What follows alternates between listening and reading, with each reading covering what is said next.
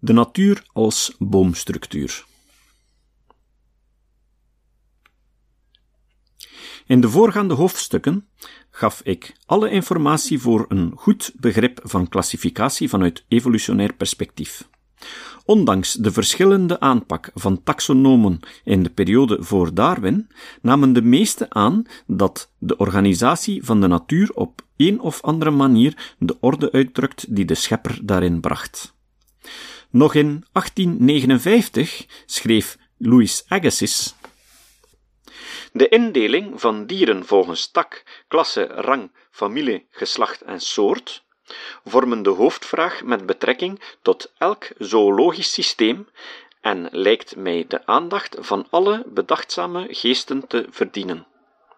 Het lijkt mij onbetwistbaar dat deze orde en rangschikking in werkelijkheid niets anders zijn dan de vertaling in mensentaal van de gedachten van de schepper. Geciteerd in Moore, 1993, pagina 183. Vanuit Darwinistisch perspectief vervalt die opvatting, wat niet betekent dat met de publicatie van Over het ontstaan van soorten alle vroegere klassificaties plots verkeerd bleken. Ook vanuit een niet-Darwinistische invalshoek kan men immers de natuur correct indelen in soorten en hogere taxa.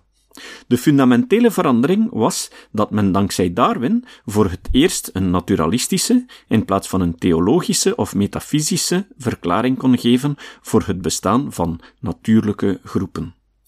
Darwin beschouwde evolutionaire divergentie als de basis van de, te klassificeren, natuurlijke diversiteit. Als de evolutietheorie klopte, moest de ontwikkeling van het leven blijken uit de manier waarop men aan klassificatie deed. Dat was inderdaad het geval. Ter verduidelijking van zijn visie op klassificatie ga ik dieper in op het dertiende hoofdstuk van Over het ontstaan, dat hieraan is gewijd.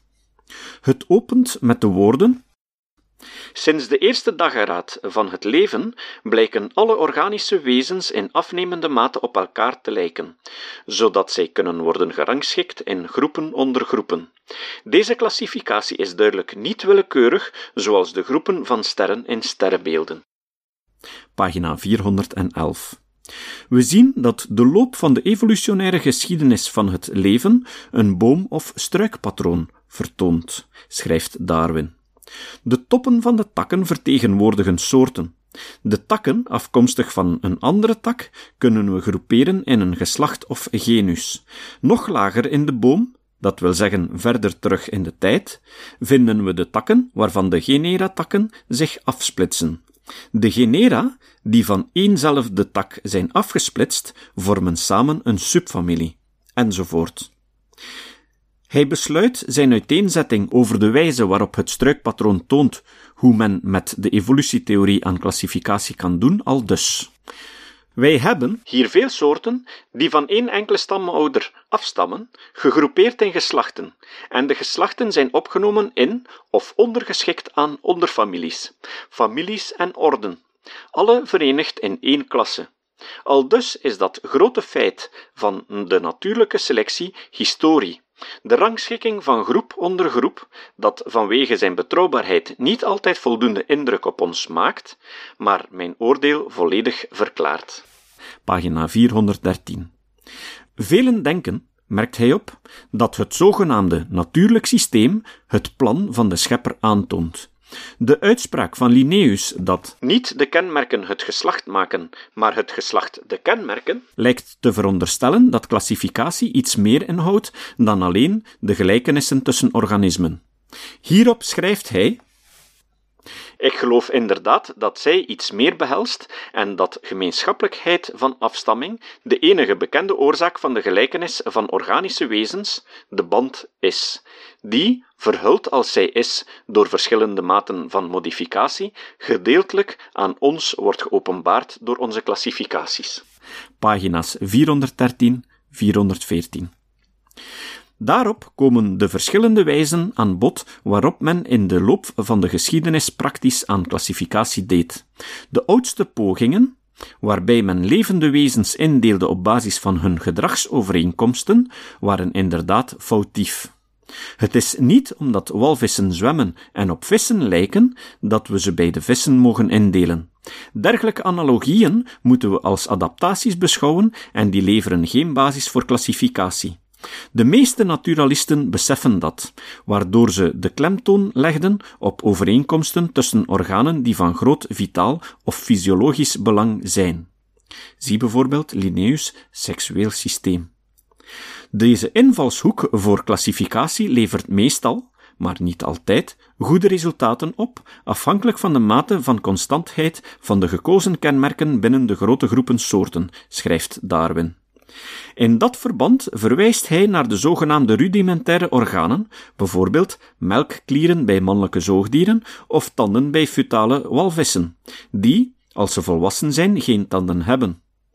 Hoewel dergelijke organen geen vitale of fysiologische betekenis hebben, kunnen ze toch van het grootste belang zijn voor klassificatie. Hetzelfde geldt voor ogenschijnlijk onbelangrijke organen. Hun belang hangt vooral af van hun relatie met andere organen, wat overigens ook geldt voor organen die we wel als bijzonder belangrijk beschouwen. Daarom ook is gebleken dat een klassificatie gebaseerd op één enkel kenmerk, hoe belangrijk dat ook mogen zijn, altijd een mislukking was, want geen enkel deel van de organisatie is universeel constant. Pagina 417. Vervolgens merkt hij op dat de kenmerken van embryo's vaak de belangrijkste basis voor betrouwbare klassificatie zijn. Een aantal auteurs merkte dat al op, maar besefte de precieze oorzaak daarvan niet. Een evolutionair perspectief maakt dat echter duidelijk.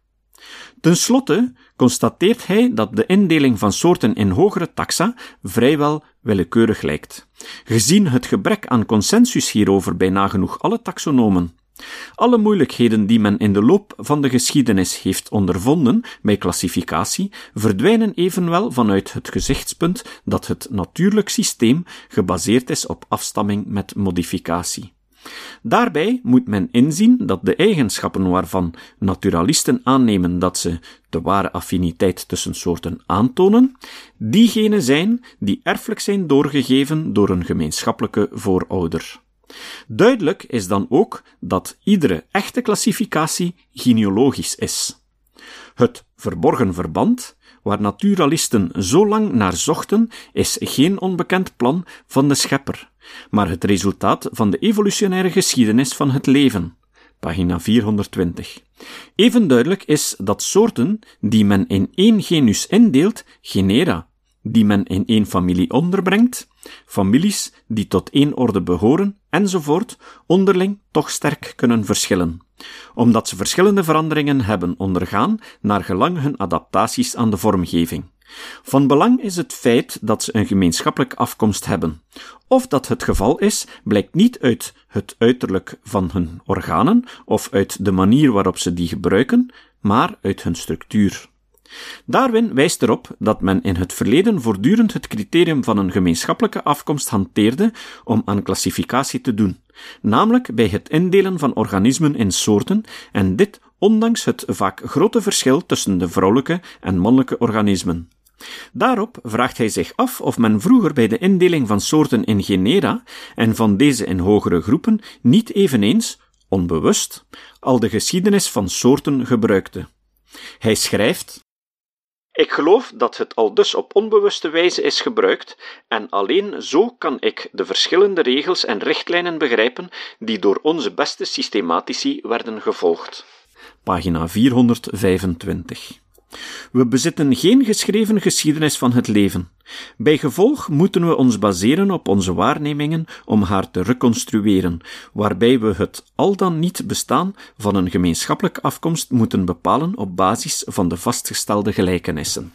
Daarvoor kiezen wij die kenmerken waarvan het, voor zover wij kunnen oordelen, het minst waarschijnlijk is dat zij zijn gemodificeerd in relatie tot de levensomstandigheden waaraan iedere soort recentelijk was blootgesteld.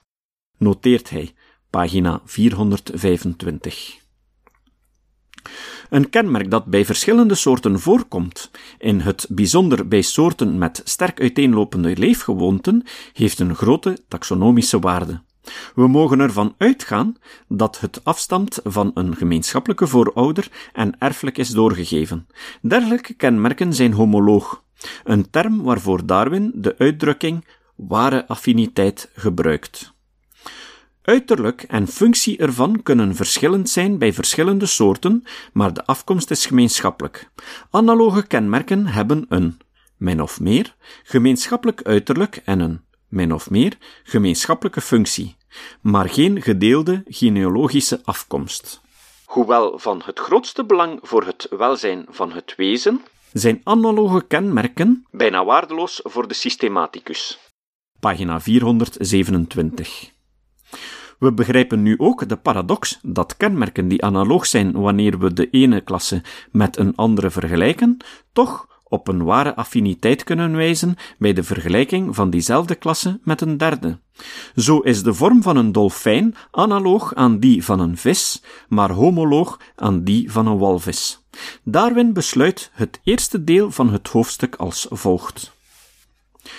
We kunnen duidelijk zien hoe het komt dat alle levende en uitgestorven soorten in een groot systeem kunnen worden samengebracht, en hoe de verschillende leden van iedere klasse met elkaar zijn verbonden door de meest complexe en uiteenlopende lijnen van affiniteiten.